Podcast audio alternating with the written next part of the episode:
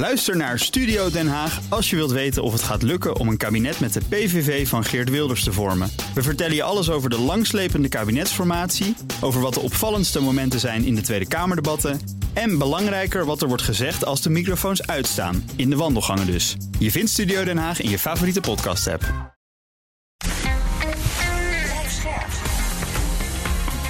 BNR Nieuwsradio. Boekenstein en de Wijk.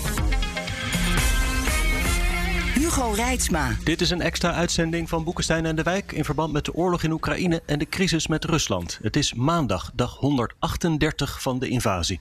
Hoe gaat het op het slagveld erop? Nou, uh, goed en slecht. Uh, de operationele pauze die, uh, die houdt stand. Dus de Russen die vechten niet met grondtroepen. Hè. Dat is belangrijk om dat te begrijpen wat daar gebeurt. Zelensky die zegt, ja, er is helemaal geen operationele pauze. Want kijk eens wat er gebeurt. Er zijn tientallen bombardementen geweest eigenlijk in het hele bezette gebied. En, en daarbuiten. Dus het is helemaal niet, niet zo dat die operationele pauze er is. Maar het gaat met grondtroepen, beter gezegd, met landstrijdkrachten. Ehm, en ja, inderdaad 15 doden weer bij de aanval op een uh, flatgebouw in Chateauviaan. Dus dat is ook echt, uh, echt verschrikkelijk wat daar, uh, wat daar gebeurt. Ja, en waar dienen die bombardementen dan toe? Want met het raken ja, flatgebouwen bereik je toch geen militaire doelen? Nee, dat is ook natuurlijk achtelijk. Dat zijn gewoon terreurbombardementen. Daar heeft uh, Zelensky natuurlijk volledig uh, gelijk in. Uh, dit, dat, dit zijn oorlogsmisdaden. maar als het goed is, moeten die worden gemikt op, op doelen die te maken hebben met de oorlogsvoering. Om ervoor te zorgen dat, de, dat de Oekraïners zo min mogelijk kunnen optrekken als het echte gevecht start. Ik, het enige wat ik me kan voorstellen bij die aanval op die, op die flatgebouwen. is dat men probeert om die steden gewoon te ontruimen en ervoor te zorgen dat die, dat die mensen zo snel mogelijk de stad uit, uitgaan. En dat is trouwens wel interessant, want niet iedereen wil weg. Uh, en dat, dat probleem speelt nu in Sloviansk. Waar, waar eigenlijk een, een, kwart van de bevolking zegt van ja, wij zien die Russen als bevrijders. Dus laat maar komen. Ja. En kan Oekraïne tijdens die operationele pauze, waarin Rusland dan probeert te, te verversen, te recupereren, extra westerse wapens in gebruik nemen om nou ja, die, klaar te die, zijn voor het vervolg? Ja, het antwoord is, uh, dat is niet de bedoeling van Rusland. Vandaar dus dat ze bezig zijn met die grote artilleriebeschietingen, uh, uh, bombardementen met vliegtuigen, gaan zo maar door. En met raketaanvallen. Dat is precies wat je wil voorkomen. Want Oekraïne wil natuurlijk gebruik maken van een, van een, ja, een, een, terugname van de, van de gewelddadigheden om zich in een betere positie te manoeuvreren. En dat is nou precies wat je wil voorkomen. Kijk, door door artilleriebeschikkingen uit te voeren. Uh, ja, dat kost je zelf weinig levens. Het wordt pas link en het gaat je heel veel levens kosten als je bijvoorbeeld met man, manschappen, met, een, met, een, met, met landstrijdkrachten, uh, gewoon een stad wil gaan, gaan, gaan veroveren. Dan wordt het linkersoep, maar dit niet. Er staat een ontzettend goed stuk in de Financial Times. Waar met allemaal dingen nog eens goed worden uitgelegd. We hebben daar veel aandacht aan besteed. Hè? Maar het is goed om het nog even op een rijtje te zetten. En het kernprobleem is dus gewoon dat het ongelooflijk lastig is om snel, snel wapens eh, te produceren. Hm. En het Westen heeft er gewoon niet zoveel. Hè? Om je een voorbeeld te geven van de totale Amerikaanse productie van 155 mm granaten, dus jaarlijkse productie, gaat er in twee weken oorlog in de Oekraïne doorheen. Wauw. Ja. ja. En dat heeft te maken, want de Amerikanen en trouwens ook de anderen, die geven meer geld uit aan jachtvliegtuigen dan aan bijvoorbeeld basic stockpiles van granaten. Hè? Dus eigenlijk... Nou, wij ook gedaan. Ja, hebben wij ook dat gedaan. Wij ook, dat doen wij ook in Nederland. En dat is de reden ze... waarom Nederlandse militairen pang pang moeten roepen. Hm. Exact. En, en daarom praten ze... Dit is eigenlijk een industrial war. Want je moet de industrie dus aan de gang eh, krijgen. Nou, nog eens wat getallen. Uh, Frankrijk heeft 18 Caesar-houwitsers nu geleverd. Dat is een vierde van de totale Franse voorraad. Hè? Wow, ja. En het duurt 18 maanden om een nieuwe houwitser te produceren. En 18 maanden is eigenlijk te lang. Ja. Amerika ging in mei een order plaatsen voor de Stingers, hebben we ook wel over gesproken.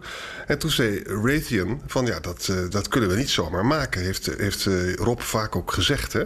Dus een gigantisch tekort aan artilleriegranaten. Dat komt door een arbeidstekort, ook hier. Hè? Hmm. Tekort aan productiecapaciteit, lean production, weet je wel. Er zijn ook supply chain problemen, met name met de chips, ook hier weer. Dat raakt het ook allemaal. Hè? En wat nou zo interessant is, er is een historische vergelijking met 1915. Toen was er ook een granatenschandaal. Hè? Dat leidde tot het aftreden van Asquith. Want in die vreselijke trench... premier. Ja, ja in, die, in die vreselijke loopgravenoorlog gingen er ook waanzinnig veel granaten doorheen. En ze konden dat niet meer aanvullen. Hè?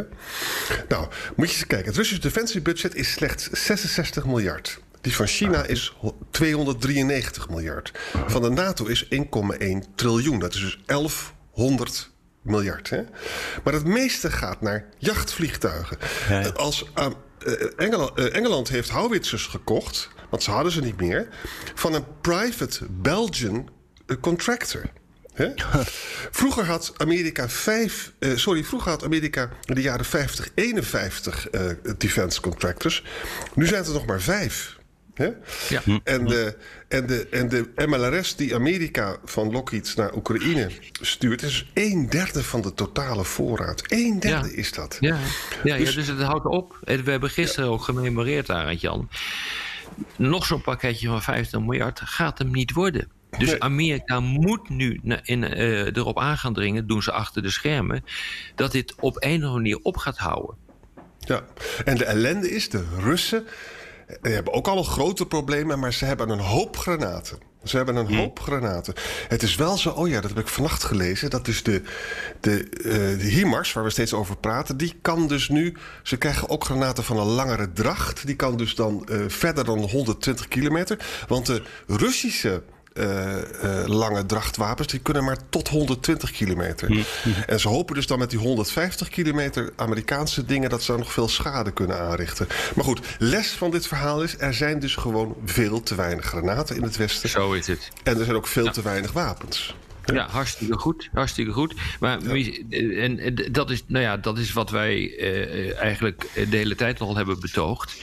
Dat wil natuurlijk niet zeggen dat er helemaal niks meer is. Alleen je gaat het tempo uh, verlagen. Dat is dan waarschijnlijk wat er gaat gebeuren. Je gaat met andere wapensystemen ga je, ga je de oorlog voeren. Maar het heeft ook, weet je je noemde het HIMARS, die meervoudige raketwerpers. dat is natuurlijk toch een door in het oog ook van de Russische mailbloggers. dat zijn die militaire analisten die allerlei uh, Telegram-kanalen hebben. En daar uh, eigenlijk heel veel kritiek hebben op, uh, de, op de Russische manier van oorlogs voeren. ze zeggen de logistiek is waardeloos, de kosten zijn te hoog, er gaan te veel soldaten dood.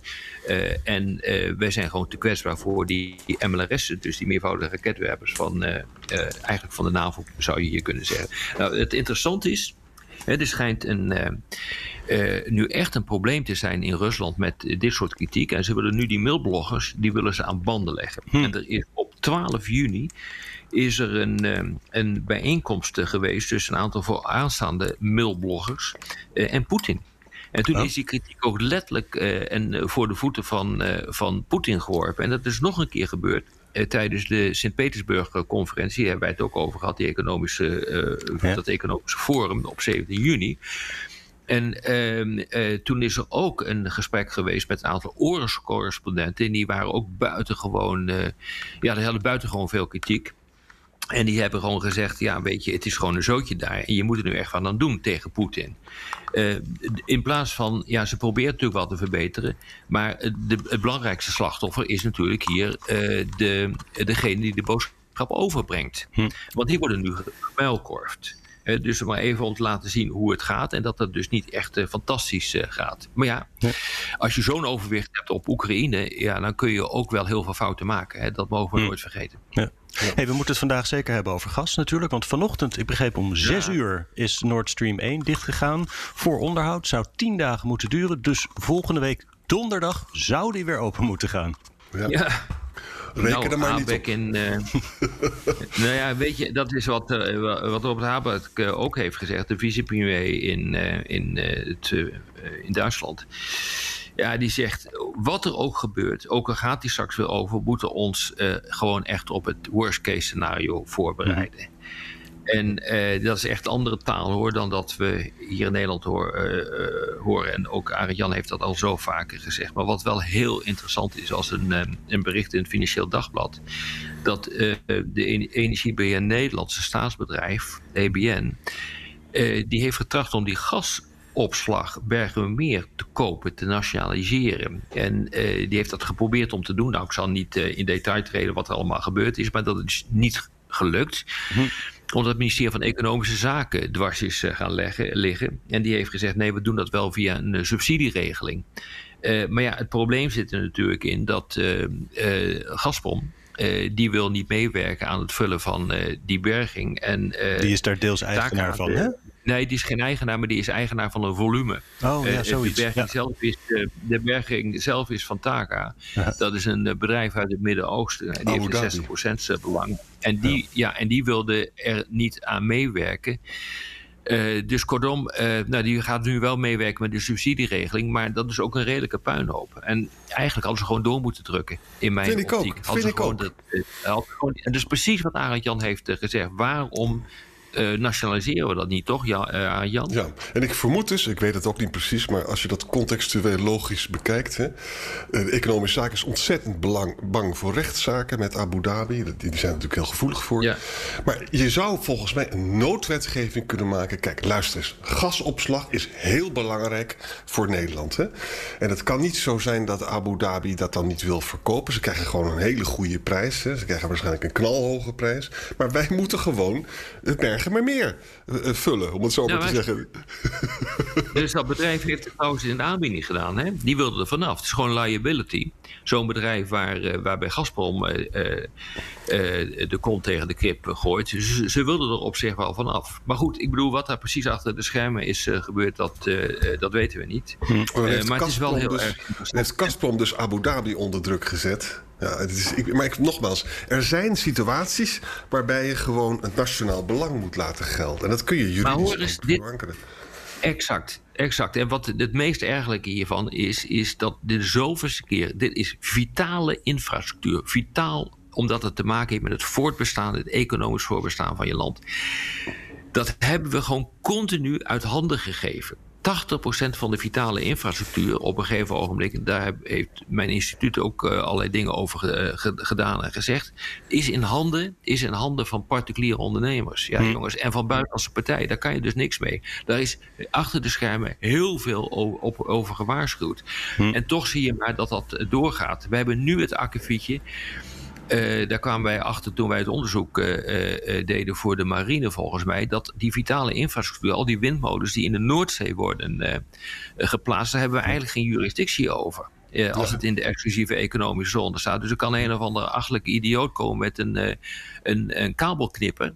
En die kan onze vitale infrastructuur gewoon doormidden knippen. Dus dat is echt een geweldig probleem. Uh, daar moet je heel anders hierover gaan nadenken. Maar nou, eindelijk, eindelijk gaat dat nu gebeuren. De tijden veranderen wel. Hè? Ik bedoel, vroeger werd alles geprivatiseerd. En nu bepleit Arend-Jan Boekenstein het nationaliseren van infrastructuur. Ja, zeker. Dus dat is, ja, zeker. maar, bijzonder. Ja, maar alles waarvoor we de afgelopen jaren ge uh, uh, gewaarschuwd hebben, ook voor die vitale infrastructuur, daar zeggen de mensen nu, ja, ja, ja, ja, ja, hadden we toch eerder moeten doen. Hmm. Weet je wat ik ook merkwaardig vind? Uh, Mickey Adriaanse, onze minister, hè, die zat bij op één vrijdagavond. Nou, dan wordt er gevraagd hoe zit het met al die gasellende. En dan zegt deze mevrouw van ja, Nederland is natuurlijk veel minder erg dan Duitsland.